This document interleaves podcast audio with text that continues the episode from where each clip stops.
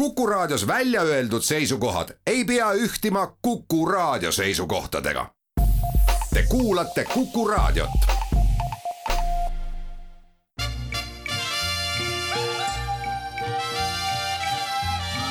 välismääraja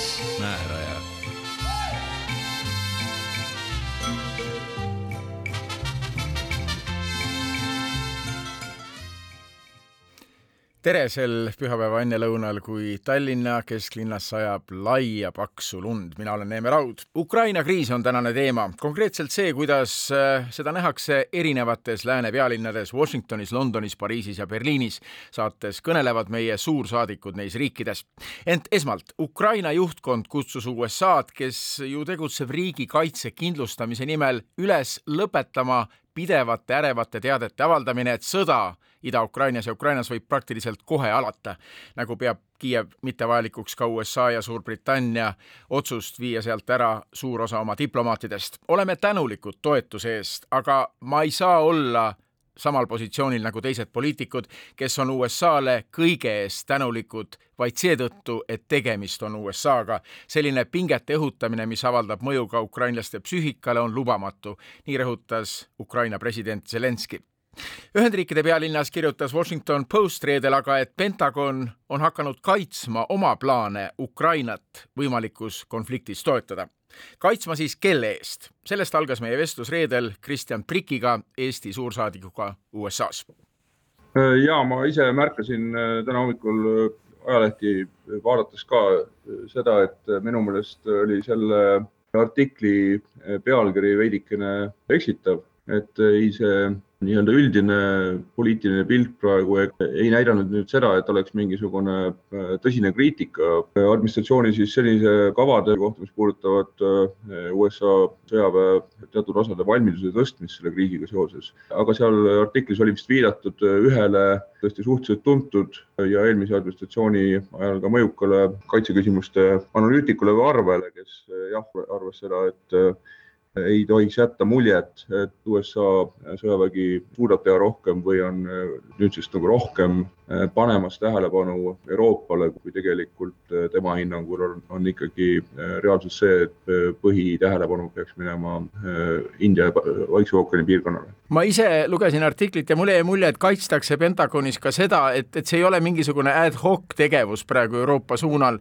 et Ukraina kriisi eskaleerumist on jälgitud juba mõnda aega ja nüüd kiirkorras USA hakkab tegutsema, et seda ei ole ju? ei, absoluutselt mitte. isegi avalikke sõnumeid äh, vaadates, eks me võime täiesti äh, selgelt minna tagasi juba kuid selleni, et äh, USA administratsiooni kõrgemad esindajad on sellele kriisile ka avalikult tähelepanu tõmmanud, aga kahtlemata veelgi rohkem teinud avalikkusele võib-olla märkamata jäänud pingutusi selleks, et see kriis ei eskaleeruks äh, nii tõsiselt, nagu ta tegelikult siiamaani on. aga avalik arvamus Ameerikas, Ameerikas on tavapäraselt nii, et meedia tähelepanu täielikus keskmes on üks teema, eelmisel nädalal oli Ukraina teema jah, tõesti number üks teema, nüüd on uue ülemkohtuniku valimine, aga ameeriklased, kuidas nad suhtuvad sellesse kriisi? Ukraina peaks olema ameeriklastele ju tegelikult tuttav nimi, see on kolm kolmas kord, kui Ukraina väga kõrgel tasemel käib poliitikast läbi, esimene siis Krimmi okupeerimine, siis kui president Obama oli ametis, president Trumpi ajastul oli ju tema ametist tagandamise taga või selle proovi taga otseselt Ukraina temaatika, jälle Ukraina oli tähelepanu keskmes ja nüüd siis kolmas kord. siit väljaspoolt on raske näha, mis Ameerika avalik arvamus arvab. kuidas tundub, kui tähtis see on ameeriklaste jaoks, see teema? Ameerika on suur ja lai, inimene, kes teenib oma leiba välis- ja julgeolekupoliitikaga mitte seotud alal kuskil Missouris või Kansades ei pruugi igapäevaselt jälgida ei teemasid Ukraina, Põhja-Korea või mõne muu sellise tulipunktiga seoses. kui see mööndus kõrvale jätta, siis ei ole kahtlust, et äh, see Venemaa poolt tekitatud kriis on nende inimeste fookuses praegu, kes äh, vähegi pööravad tähelepanu mujal maailmas toimuvale ja ka need sisepoliitilised teemad äh, ei ole nii-öelda varjutamas seda. president Bideni oluline kõne oli selle nädala alguses, kui ta konsulteeris Euroopa riikidega ja selle järel ütles meediale, et ühtsus on väga-väga-väga kolm korda rõhutas seda sõna tugev.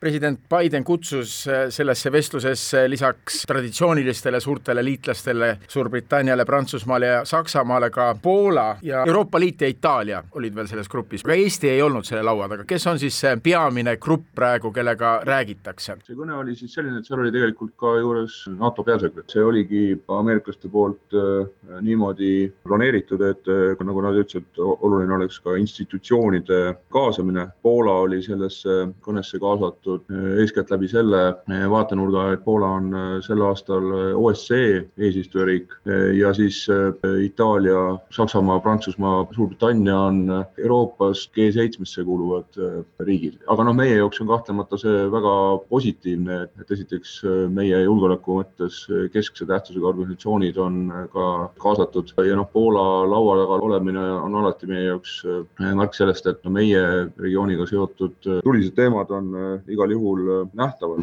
aga noh, meil on olnud endil siin väga palju ka ameeriklastega küll kahepoolselt, küll mingisugustes eriformaatides suhtlemist, nii et seda, et praegu oleks kuidagi infot ja suhtlemist sellel teemal vähe, seda üldse öelda ei saa, pigem on seda vastupidi. lihtsalt tahtsin rõhutada, et selles Euroopaga peetud kõnes Eestit otseselt laua taga ei olnud, aga New York Times kirjutab, et administratsiooni ametiisikute sõnul on alates novembri keskpaigast olnud Washingtonil vähemalt sada kaheksakümmend kõrgemal tasemel otsekontakti Euroopa ametiisikutega, sealhulgas ka Eesti ametiisikutega, see näitab, et see suhtlus on väga tihe. ja igal juhul, minu kogemuses, äh, olles tegelenud tänaseks päevaks juba üle kahekümne aasta rahvusvahelise suhtlemisega ja sellest märkimisväärne osa just nimelt äh, USA-ga suhetega, minu kogemuses pole kunagi varem sellist teemat või sellist perioodi olnud, kus info jagamine erinevate äh, briifingute ja koordinatsioonikõnede hulk oleks olnud nii suur, kui see nüüd on olnud. ja veel üks ääremärge Ameerika ajakirjandusest, et see paber või dokument, mis Venemaale esitati, need Ameerika-poolsed vastused Venemaa-poolsetele nõudmistele,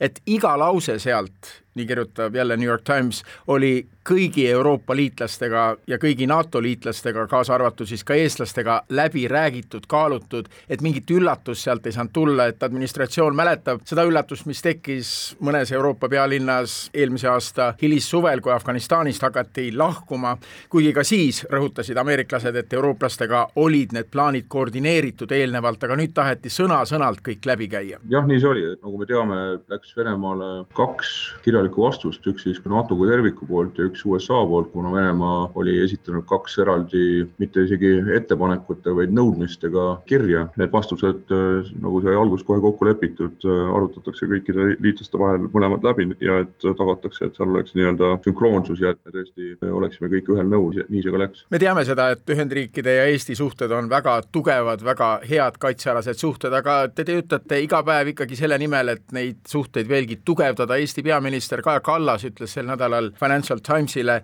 et äh, Eesti eesmärgiks on ikkagi saada siia koha peale Ameerika üksused. kas see on ka teie töö eesmärk Washingtonis praegu jätkuvalt? ja ühest küljest äh, ma tahaksin öelda seda, et, et küsimus äh, NATO idatiiva, nagu see sõna ütleb, väehoiaku sellisest kohandamisest või sellest, et, et NATO idatiiva kaitsehoiak ka rahu ajal selleks, et hoida rahu, oleks sobilik ja vastav julgeolekukeskkonnale, see on tegelikult aastatepikkune töö olnud minul, teistel paljudel Eesti välissuhtes tegelevatel inimestel. lihtsalt praegu on paljud vajadused võib-olla rohkem nähtaval. see, et USA on nii-öelda teretulnud ja et on kindlasti mingisuguseid rolle, mida USA saaks võtta, muuhulgas Eestis, Lätis, Leedus, selleks, et seda väehoiakut kohandada ja, ja tagada, et, et see heidutus on tõesti tugev, nähtav, usutav. sellest on ennegi juttu olnud. mida ma tahaksin siin öelda, on see, et jah, Eesti ja USA suhted on lähedased, tugevad tugevad, eh, aga igapäevaselt tuleb tööd teha selleks, et vältida mingisugustes kohtades nii-öelda möödarääkimisi, valesti eeldamisi, sest et eh, eriti sellise suurriigi poolt, kellel on eh, tõesti globaalsed huvid, globaalsed võimalused, on ju võimalik mitte võib-olla tähele panna mõnel hetkel mingisuguseid äh, võib-olla lokaalseid äh, probleeme või vajadusi, mis tegelikult küll haakuvad nende globaalsete äh, huvidega. aga noh, meie vaates on kindlasti alati vaja olla seal, kui neid globaalseid vajadusi arutatakse ja olla valmis näitama seda, kuidas üks või teine meie regiooni puudutav teema on tegelikult osa laiemast tervikust. me ei tohi eeldada seda, et kõik teavad seda, seda niigi. nii et see on nagu selline natuke aedniku töö, kus tuleb pidevalt olla valmis erinevaid juba ka varem üle käidud teemasid uuesti selgitama, neid lahti võtma ja, ja kaitsema oma seisukohti. no see ongi diplomaatide töö, väljaspoolt tundub kuidagi vahel glamuurne, et vastuvõtud ja nii edasi, aga seal on see igapäevane töö, selgitamised, kohtumised, mis jääb meile praktiliselt nähtamatuks ja ilmselt neid kohtumisi on teil praegu palju, me räägime seda juttu ajal, kui Washingtonis näitab kell seitse hommikul ja sa oled juba tööl. jah, praegusel ajal on ka seda, mida peetakse glamuurseks, on muidugi üldse vähem. koroona on tugeva pitseri jätnud sellele, kuidas ka siin saatkondade ja administratsiooni vaheline suhtlus saab toimuda, aga sellepärast kindlasti ükski oluline teema ei jää katmata, ükski oluline vestlus ei jää pidamata, lihtsalt tuleb valida jälle aega, kohta ja meetodit. selles kriisis ei vaata USA Euroopale abi andmist ainult läbi sõjalise mõõtme, räägitakse ka kütuseabist Saksamaale, konkreetselt LNG gaasiabi andmisest, räägi neist plaanidest ka lähemalt, vaadates ka Ühendriikide meediat, üheks osaks sellest kriisist on just Saksamaa selline mõneti peataolek, et kuidas käituda, kui Venemaalt kütust enam niisuguses koguses ei tule nagu praegu. jah, USA administratsioon on teinud siin juba märkimisväärseid samme ja pingutusi selleks, et Euroopat tegelikult tervikuna ikkagi toetada, juhul kui peaks äh, tekkima probleemid energiavarustuses või õigemini võib öelda seda, et need probleemid energiavarustuses on juba sel äh, sügistalvel ju tekkinud. nii et äh, siin ei ole tegemist mingisuguse hüpoteetilise olukorraga, vaid juba on näha, et siis eeskätt maagaasivarude talveks kohale toomise või varude täitmisega ei läinud sel aastal nii, nagu oli plaanitud ja siin on tegeletud juba kuid, mitte võib-olla avalikkusele jällegi niivõrd nähtavalt, aga tegeletud siis igasuguste ka alternatiivsete maagaasi tarnijatega, nii äh, siin Euroopas sees, kus on äh, erinevad Euroopa riigid, äh, noh, Norra, aga ka mõned Euroopa Liidu riigid, kellel on mingisugunegi maagaasi tootmisvõimekus, aga ka Põhja-Aafrika ja, ja Lähis-Ida ja, Katar on siin nagu märkimisväärsena välja toodud. Ja tegelikult see, see selline energiatarnete kindluse tagamine ei piirdu ainult sellega, on tegelikult tehtud märkimisväärset tööd, et, et Ukraina ei jääks nii-öelda külma kätte siin on juttu nii gaasist, aga ka eh, kivisöest, mida on siis eh, aidatud tekitada lepinguid eh, mittetraditsiooniliste tarnijatega jällegi, et kuidagi tasakaalustada seda, et Venemaalt ja läbi Venemaa import Ukrainasse on põhimõtteliselt kinni keeratud. igal halval asjal on ka teine pool, mündi teine pool, positiivne pool ja USA ajalehed kirjutavad, et kui eelmisel aastal, kui president Biden ametisse astus, rõhutati, et ta toob USA Euroopasse tagasi, siis nüüd konkreetselt toimubki see, kui kui äh, vaadata seda kriisi praegu kui transatlantiliste suhete vaikelust lahti klopsimist ja uuesti väga aktiivseks muutmist, siis ka see pool on selles kriisis täiesti olemas, kuigi me ei tea, kuhu see kõik edasi läheb, Moskva poolt tuleb ju nüüd teateid, et nad on edasiseks diplomaatiaks valmis, samas USA luure ikkagi hoiatab, et rünnak võib toimuda, aga korraga on USA ja Euroopa vaheline diplomaatia muutunud väga aktiivseks, seda ajal, kui USA tähelepanu keskmes oli varem ikkagi juba aastaid Hiina.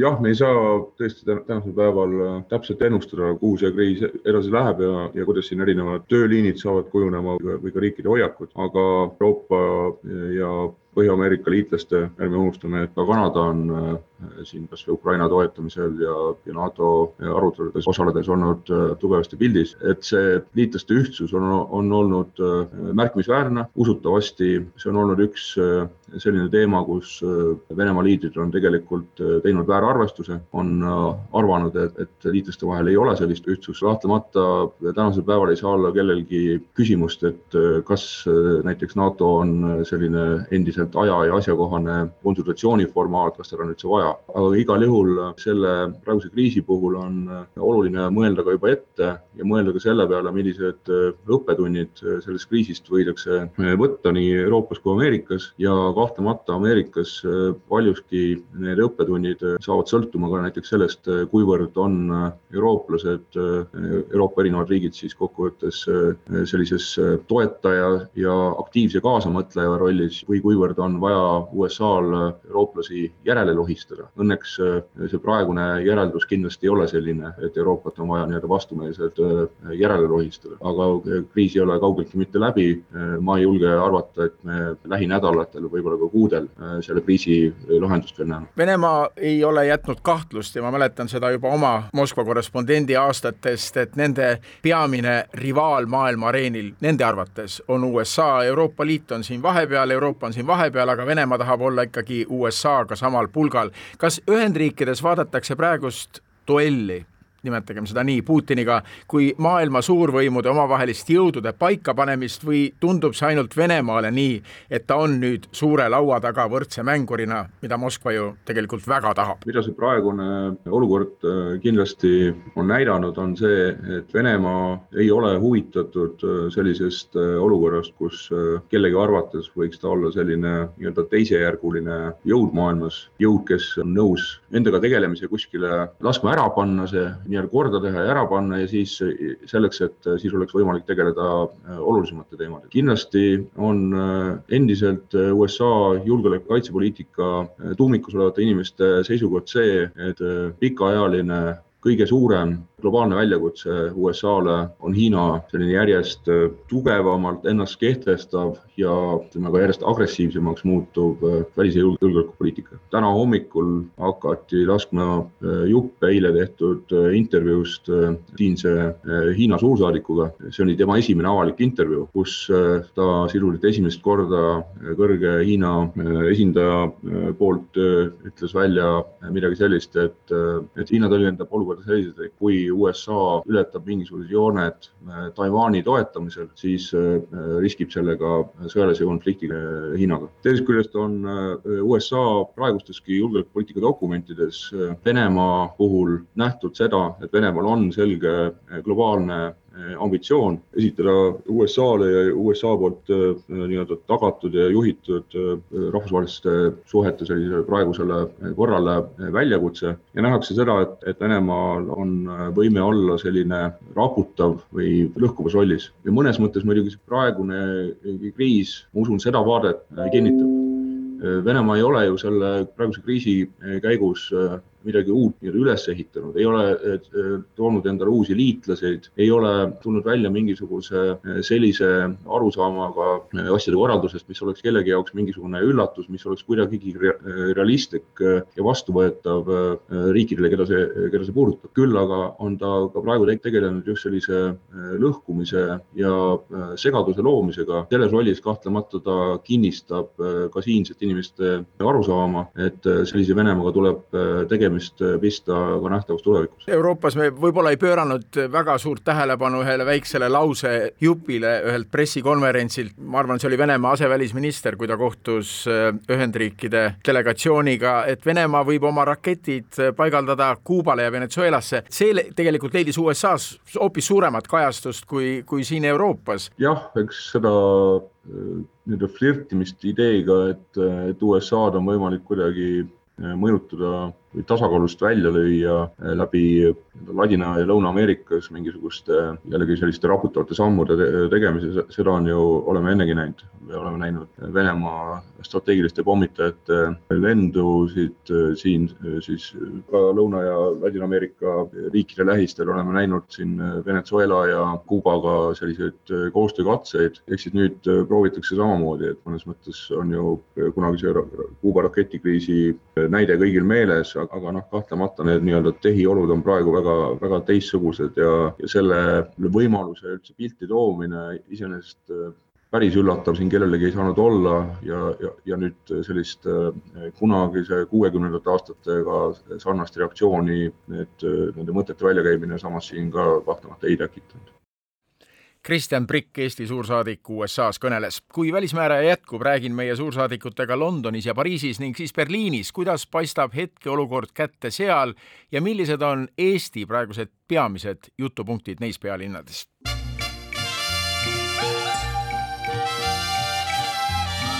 välismääraja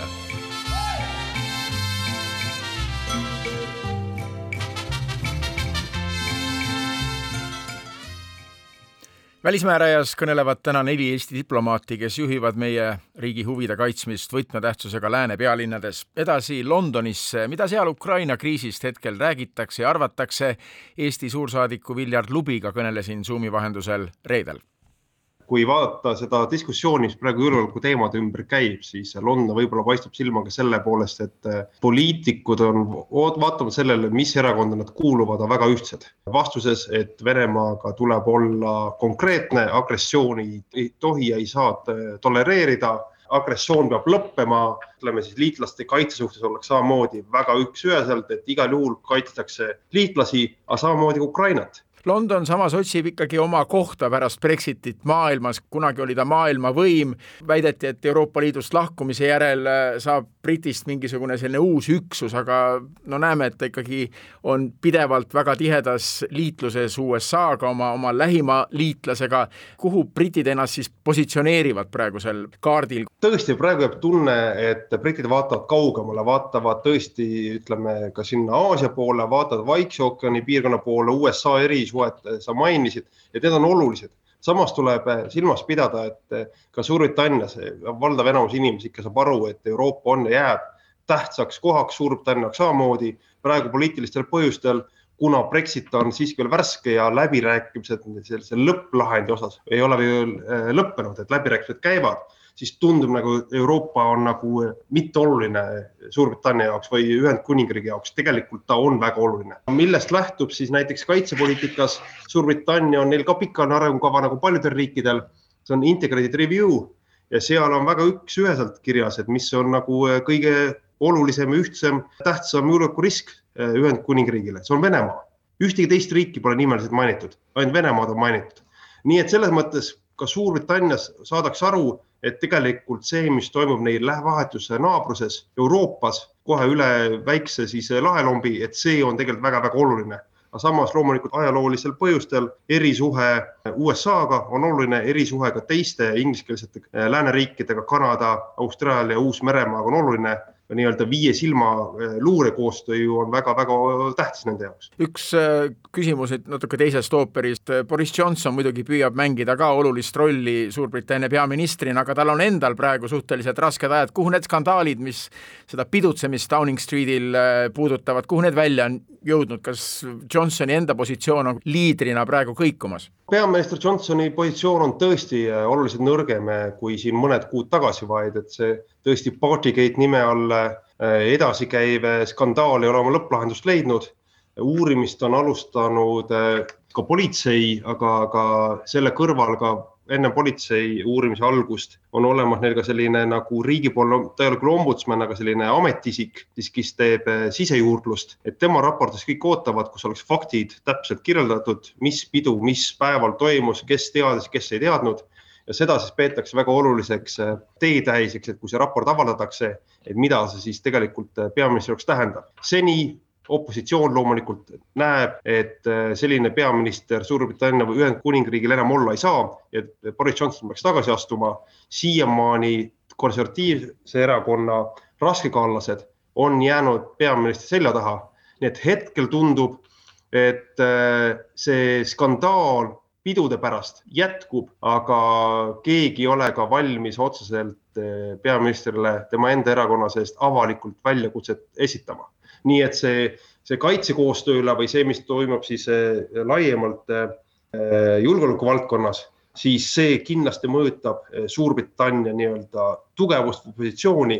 aga samas ka Boris Johnson viimasel ajal on väga vali, väga otsekohane, väga terev Venemaa suunas ja siis tema kaks eh, tugevat kätt selles, välisminister Truss ja kaitseminister Wallace, nemad on läinud nagu selline laviin.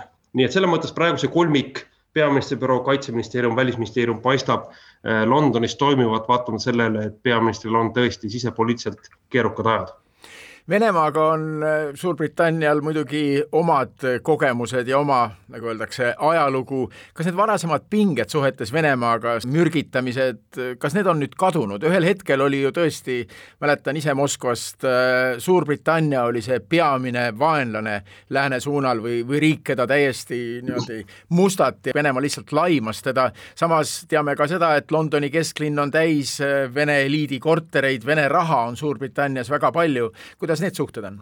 ütleme siis Salisbury ja, ja, ja Litvinenko afäärid ja samamoodi eh, valimiste sekkumine, et see ei ole päris ära unustatud, vähemalt mitte siis Whitehalli ametkondades tavainimesele tõenäoliselt mitte, et tõesti, see on nagu lääne ühiskonnas ju laiemalt, tavainimene tänaval ei teadvusta, et julgeolekus on tõesti kriitilised ajad.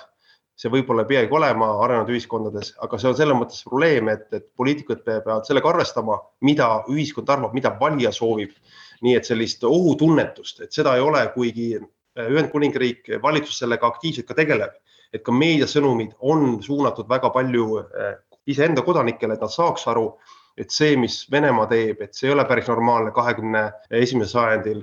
Vene raha teema samamoodi teadvustatakse, kas tulevad ka siin vastusammud, seda on palju proovitud, ei ole jõutud kuhugi. taaskord on see ka parlamendis tõstatamas. kui ma ennem ütlesin, et opositsioon on äärmiselt tugevalt, on valitsuse selja taga, kui Boris Johnson tegi nüüd hiljuti parlamendis ka Vene teemalise avalduse ja siis opositsiooniliider Kiir Starmer vastas sellele siis ta ütles esmalt, et ma toetan sada protsenti valitsust, mis on täiesti ennekuulmatu kõikidel teistel teemadel, et tema soovib, et Johnson kaoks. ja ainuke asi, mis ta tõstatas, mida valitsus võiks teistmoodi teha, on täpselt sama, see Vene raha, mis on Londonis ja teistes Suurbritannia kohtades siia pargitud, et see on, see on sisepoliitiliselt kindlasti oluline teema kas siin ka äh, tuleb mingeid muutusi, raske öelda. millised on Eesti peamised jutupunktid praegu diplomaatilistes kontaktides Londonis? Ühendkuningriigiga koostöö on tõesti äärmiselt hea, et Ühendkuningriik on raamriik NATO IFB programmis, meil on kaheksasada viiskümmend Briti sõdurit Tapal. praegu me arutame seda teemat, mida, mida edasi teha. idatiiva kindlustamist NATO räägib, NATO planeerib, meie planeerime siin koos brittidega. nii et see koostöö, koos planeerimine, koos tegemine on eh, olnud äärmiselt tihe ja äärmiselt positiivne, selles mõttes kõik saavad ühtemoodi aru, meil on sama risk, britid ei kaitse meid, ainult britid kaitsevad ka ennast. see, et Eesti otsustas nüüd eh, ühekordselt tõsta ka kaitsekulutusi, seda märgati. Eesti on nähtav, eh, Eesti peaminister, Eesti ministrid, ametnikud on Briti meedias viimasel ajal on väga-väga nähtavad. meie poole vaadatakse kui võrdse partnerile, meiega räägitakse koos läbi Viljar Lubi, Eesti suursaadik Londonis, rääkis ja edasi siirdume Pariisi. New York Times kirjutas eile pikemas analüüsis, et Prantsuse president Emmanuel Macron liigub Ukraina kriisis väga delikaatsel piiril ja tal on mitmeid eesmärke. ühelt poolt soovib ta suhelda otse Venemaaga, sellest ta ei ole mingisugust mingisugust saladust teinud. teisalt soovib ta luua Euroopa uut oma julgeolekuarhitektuuri, kus Ameerikal ei oleks nii kandvat rolli ja kolmandaks võtta ka aprillis toimuvatel valimistel võit. Macron näib olevat veendunud, et Euroopa peab praeguses julgeolekukriisis ja tulevikus arvestama muutunud maailma oludega. pärast külma sõja lõppu loodud julgeolekuarhitektuur Euroopas vajab uuendamist vastavalt maailma muutumisele enam ei saa säilitada mingisugust staatus quo'd, mis viimase kolme aastakümne jooksul on tekitatud. maailm ja Euroopa ongi nüüd selline, nagu ta on ja praeguseks hetkeks paika pandud struktuure võib ja tuleb ehk muuta. teisalt on Macroni ja Putini vahel ka teatav vastastikune tõmme, arusaam, et nende suhe ongi maailmas mõneti eriline, kirjutab New York Times ja seepärast soovib Macron jätkata otsedialoogi Putiniga. tal on tunne, et ta suudab Putiniga otse väga südamest südamesse rääkida ja üksteist mõista. üks kõrgem Prantsuse ametiisik ütles New York Timesile, et Vene president ütles ise mõni aeg tagasi Macronile, et ta on ainus inimene, kellega saab pidada niivõrd põhjalikke arutelusid maailma ja Euroopa poliitika üle ja et ka tema, Putin siis, soovib seda dialoogi jätkata. sellised sõnad kõlavad Prantsuse presidendi kõrvus kui muusika, leiab New York Times. Macroni ja Putini viimane telefonikõne oli reedel millest räägiti, mida meediale on selle kohta avaldatud, seda küsisin Eesti suursaadikult Pariisis Lembit Uibolt. see on järjekordne kõne siis äh, Macroni, Putini vahel, neid on siin olnud paar tükki ka varem. eks eesmärk ole ikkagi otsida teid, kuidas siis äh, seda pingeseisu deeskaleerida. viimaste arengutena on ka Normandia formaati äh, üritatud tööle saada. See on siis see formaat, kus äh, Prantsusmaa ja Saksamaa on vahendajad ja laua taga on Ukraina ja Venemaa Minski lepingute alusel töötatakse ja selle kaudu siis äh, Prantsusmaa üritab äh, konflikti nii-öelda alglätete juurde tagasi jõuda.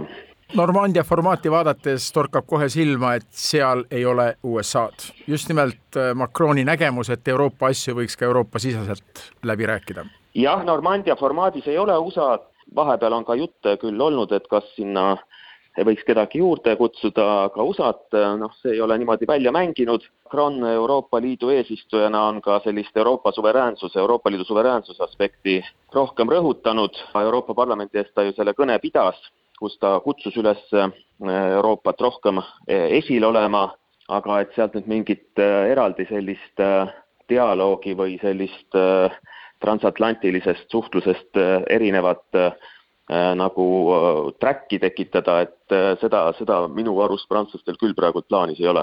samas ikkagi Macron otsib oma kohta mõneti nagu Euroopa liidrina, kui siin on palju räägitud, et pärast Angela Merkeli suurelt areenilt lahkumist on see Euroopa liidri koht vakantne. eks Saksamaa, Saksamaa uus kantsler on veel enda näitamise ja oma võib-olla sellise profiili kujundamise faasis, nii et nii et tõepoolest Macron on juba pikemalt äh, esil olnud ja, ja kindlasti Euroopa Liidu eesistujana on ta ka roll ka rohkem välja paista, et noh, siin pole ka midagi imelikku ja samas ei saa unustada, et käib ka valimiskampaania. kas Macron on oma kandidatuuri nüüd ametlikult esitanud? jätkuvalt on seis sama, et kõik eeldavad, et ta kandida-, kandideerib, aga ta ei ole veel seda ametlikult välja ütelnud.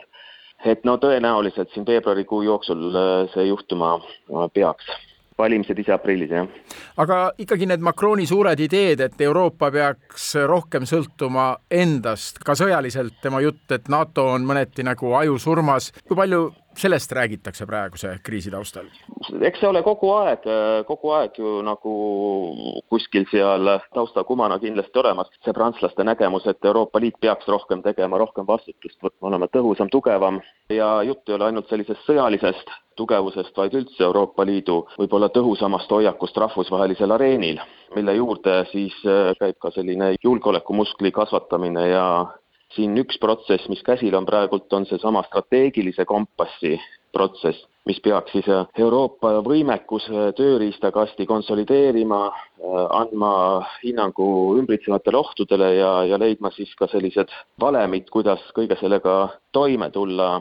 Ja see peaks nüüd äh, märtsis saama ka ilusti lukku löödud Prantsuse eesistumise ajal nii, selge, aga kui nüüd äh, tulla veel kord selle Normandia formaadi juurde tagasi, Venemaa on suhteliselt üheselt mõista andnud, et nemad näevad maailma suurmängurina ikkagi vaid USA-d ja soovivad USA-ga rääkida. kui tõsiseks partneriks peab Venemaa praegu näiteks Pariisi läbirääkimistel? kui äh, Venemaa äh oleks valmis eh, Normandia formaadis kohtumiseks, eh, oleks see kindlasti eh, hea uudis, ma arvan, kõigile. Venemaa oli valmis sel nädalal? viimati, jaa, aga noh, me räägime, see, see on selline esimene samm ja nõunike tasemel, et mille, mille peale ikkagi rihitakse ja mida loodetakse, on, on liidrite kohtumine, viimane selline kaks tuhat üheksateist Pariisis. et töö käib selle nimel, praegult on selline ettevalmistav kompaperiood ja järgmine nõunike tasemel kohtumine peaks toimuma kahe nädala pärast Berliinis kui Prantsusmaal räägitakse sõjalistest välisoperatsioonidest, siis käib jutust kohe läbi ka Eesti, sest Eesti sõdurid on Malis Prantsuse juhitud operatsioonil ja Prantsuse sõdurid on ju ka Eestis. praegu Suurbritannia on siin meil see väekontingendi ankur, aga Prantsuse sõdurid on kohal ja kui riigi sõdurid on kuskil välisriigis, siis see läheb ikkagi korda pealinnas. jaa, kindlasti ja prantslased ka nüüd käimasoleva julgeolekukriisi taustal ikkagi aeg-ajalt toonitavad et äh, see on nende viis, kuidas äh, siin idatiival solidaarsust näitavad ja, ja oma valmisolekut NATO raames siis idatiiva riikide eest ka seista ja neid kaitsta. et see kindlasti on meile väga oluline ja ka prantslastele väga oluline nagu on eestlaste kohalolu Malis. kui palju prantslased, kui vaadata avalikku arvamust, praegu nendele Ukraina sündmustele tähelepanu pööravad, kui oluline see nende radaril praegu on? See on päris oluline, seda on äh, meedias väga tihedalt äh, kajastatud, eks prantslased ole siin esil ka rahvusvahelisel areenil ju, needsamad äh, Putini, Macroni kõned ja, ja Normandia formaadis roll ja Prantsuse kui eesistuja taotlus Euroopa Liidu häält selles läbirääkimiste protsessis nähtavamaks, kuuldavamaks teha. et see kõik resoneerub ka avalikus ruumis. kui te prantslastega räägite, kas me näeme seda kriisi täpselt äh, samast vaatevinklist või on prantslastel siiski oma vaatenurk, kas nähakse siiski ka mingit sellist suunda, mida me siin võib-olla ei näe Eestis, et, et Venemaaga tuleb kuidagi eriliselt suhelda? eks äh, ärihuvid on igas sellises suures riigis olemas ja, ja ühel või teisel määral nad mängivad, aga no ma ütleks, et äh, praegult on see ikkagi pilt suhteliselt, suhteliselt ühtne, ei ole nagu väga sellist narratiivi, et, et peaks äh, Venemaaga pigem sellist äh, väärtuste nimel kompromissiteed otsima, et mingeid majandushuvisid edendada. rääkis Eesti suursaadik Pariisis Lembit Uibo, hetke pärast siirdume aga jutuga Berliini ja vestlen Eesti suursaadikuga seal, Aral, Alar Streimaniga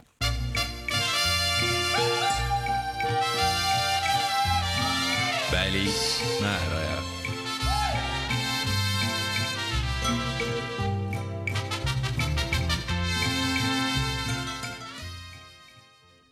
Maailma uudistest on viimastel nädalatel nähtavalt läbi kõlanud, et Saksamaal on suhetes Venemaaga oma erihuvid.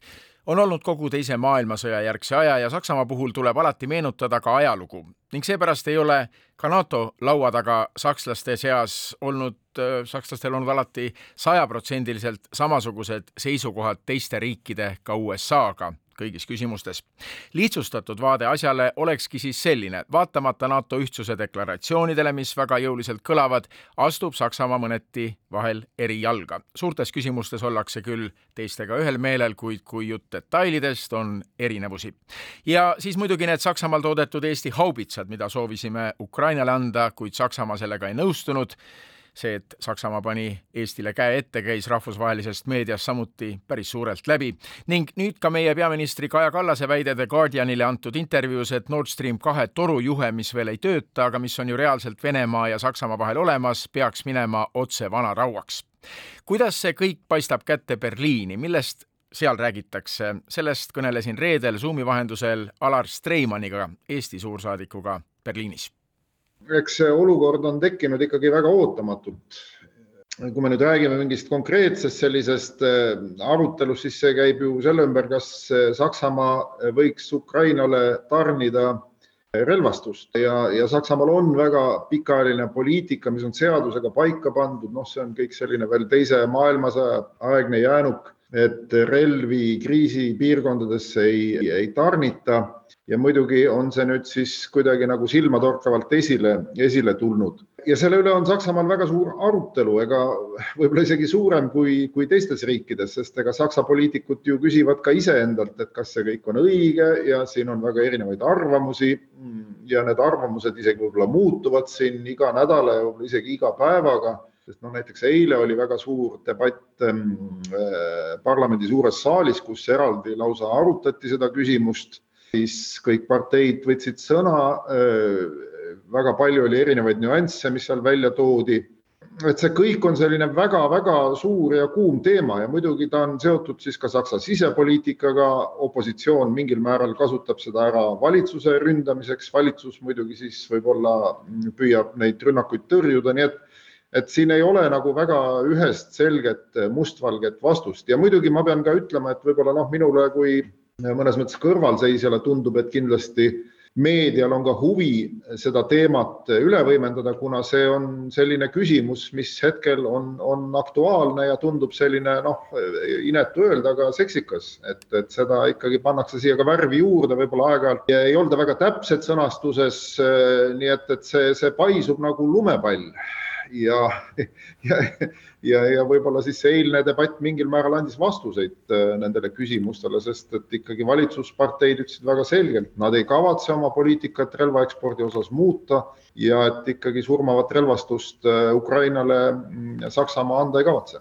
ja teine pool sellel mündil on, on muidugi kütus kütusega varustatus, see ei ole ju saladus enam kellelegi, et Saksamaa sõltub Venemaa kütusest antud hetkel no jällegi me peame siin ikkagi täpsustama, et ega ta nüüd ei sõltu sada protsenti, et Venemaa on üks äh, Saksamaa tarnijatest, tõepoolest äh, vedelkütused suuresti tulevad Venemaalt ja, ja tuleb ka maagaas, aga ega Saksamaale tarnivad ka Norra ja madalmaad, nii et, et nad on ikkagi seda mitmekesistanud, neid tarnijaid. aga Norraga on nüüd lugu hetkel selline, et Norra gaasieksport Balti suutlikkus on nüüd nii viimase piiri peal, et neil ei ole võimalik lisatarneid Saksamaale saata ja madalmaad jällegi omakorda vähendavad gaasi pumpamist siis oma, oma regioonis, nii et siin on nagu mitu asjaolu, mis on kokku sattunud, aga jah, kahtlemata see Saksamaa sõltuvus äh, energia impordist on küllalt oluline teema, aga, aga see ei ole ka mitte mustvalge, et siin on probleeme, aga noh, need ei ole ületamatud probleemid, et see pigem ikkagi vaidlus taandub sellele, et mis saab Nord Stream kahest, mis on alati olnud väga poliitiline valdkond. Et selliseid majandussidemeid väga kõrgel tasemel, väga, väga mastaapseid on Saksamaa, Venemaa vahel olnud tõepoolest ja alati on need põhjustanud sellist debatti. Saksamaa on ikkagi niisugune noh, väga-väga mastaapsete majandussidemetega riik üle maailma. Ja mida analüütikud ise ütlevad, võib-olla siis tõesti eelmised valitsused ei ole piisavalt aktiivselt tahtnud nagu mõjutada neid majandussidemeid või suunata või, või pigem on nad neid soosinud ja see poliitika on olnud natuke erinev võrreldes võib-olla Suurbritannia ja Prantsusmaaga. nii et paratamatult Saksamaal on jah, omad, omad eripärad, selles suhtes on meil raske nüüd kedagi siin hukka mõista või, või, või, või, või, või tunnustada, igal juhul see olukord on praegu probleemne, aga Saksa ettevõtjad jätkuvalt arvavad, et see kriis Venemaaga tuleb lahendada rahumeelsel teel, dialoogi teel ja tuleb majandussidemeid edasi arendada nii et ma just kuulasin, siin on olemas selline organisatsioon, mis, mis siis ühendab ettevõtjaid, kes, kes põhiliselt töötavad Ida-Euroopa riikidega ja, ja, ja, ja noh, nende seisukoht on küll väga ühene, et jah, ikkagi praegu otsitakse dialoogi, soovitakse pidada ka videokonverents Putiniga, kui vähegi võimalik, nii nagu Itaalia suurettevõtjad äsja just tegid. no nii ta on vaatame veel Saksa poliitikat Euroopa suurel kaardil. USA ajalehed kirjutavad, et sa rääkisid ka, et eelmised valitsused siin on jätnud tegemata asju, aga samas vaadatakse väga nostalgiliselt juba nii kiiresti tagasi Merkeli ajastule, et tema oli see Euroopa liider, kelle poole vaadati, kui räägiti Venemaast, kui Euroopa stabiilsusest räägiti, nüüd seda liidrit enam ei ole ja uues valitsuses põrkuvad mitmed huvid ja Saksamaal ei ole sellist konkreetset ühest seisukohta ja selle järgi on tekkinud juba nostalgia.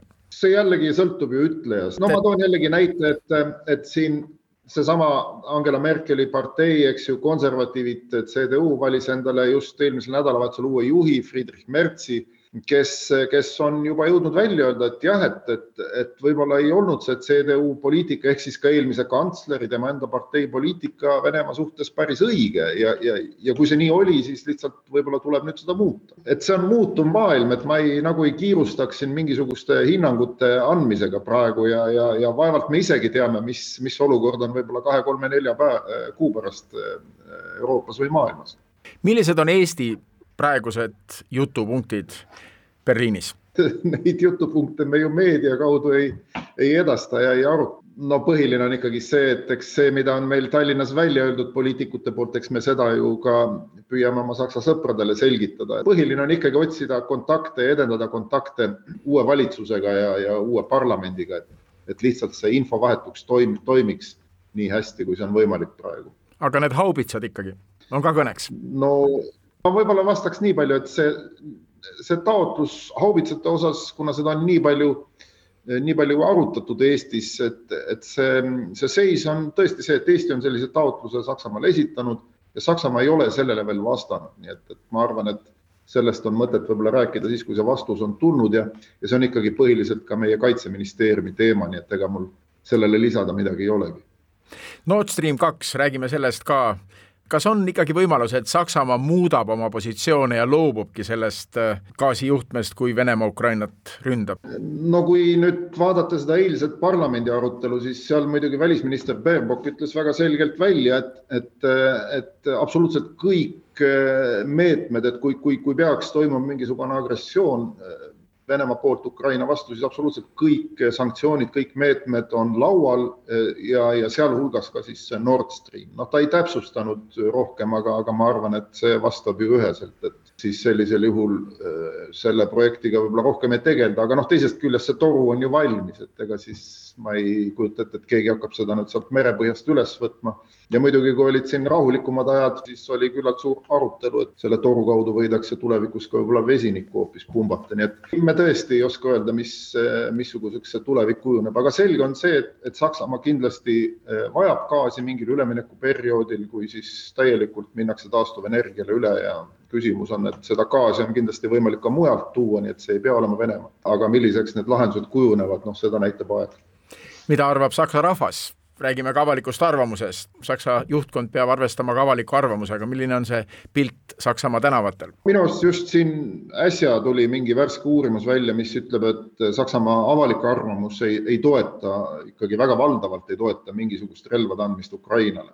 et ma ei ole seda ise lugenud, aga ma kuulsin sellist uudist just äsja raadiost, ju see siis nii on, aga, aga mis puudutab avalikkust, siis avalik arvamus ikkagi keerleb siin täielikult ähm, koroona situatsiooni ümber, nii et see on nagu inimestel põhiline mure praegu. Ja muidugi näiteks noh, konkreetselt ka kuna siis ikkagi kõik, kes on nakatunud isegi kergelt, kui nad on positiivsed, siis nad peavad jääma koju ja see muidugi äh, põhjustab küllalt palju probleeme tööandjatele, nii et see ikkagi avaliku arvamuse debatt keerleb põhiliselt siin selle ümber Eesti suursaadik Berliinis Alar Streimann kõneles, jah, tõepoolest ka koroona on endiselt ju meie maailmapildis, ei saa unustada.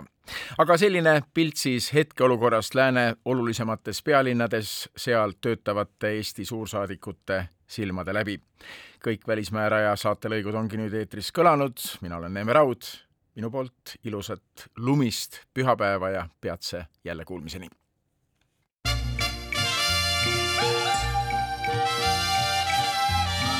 välismääraja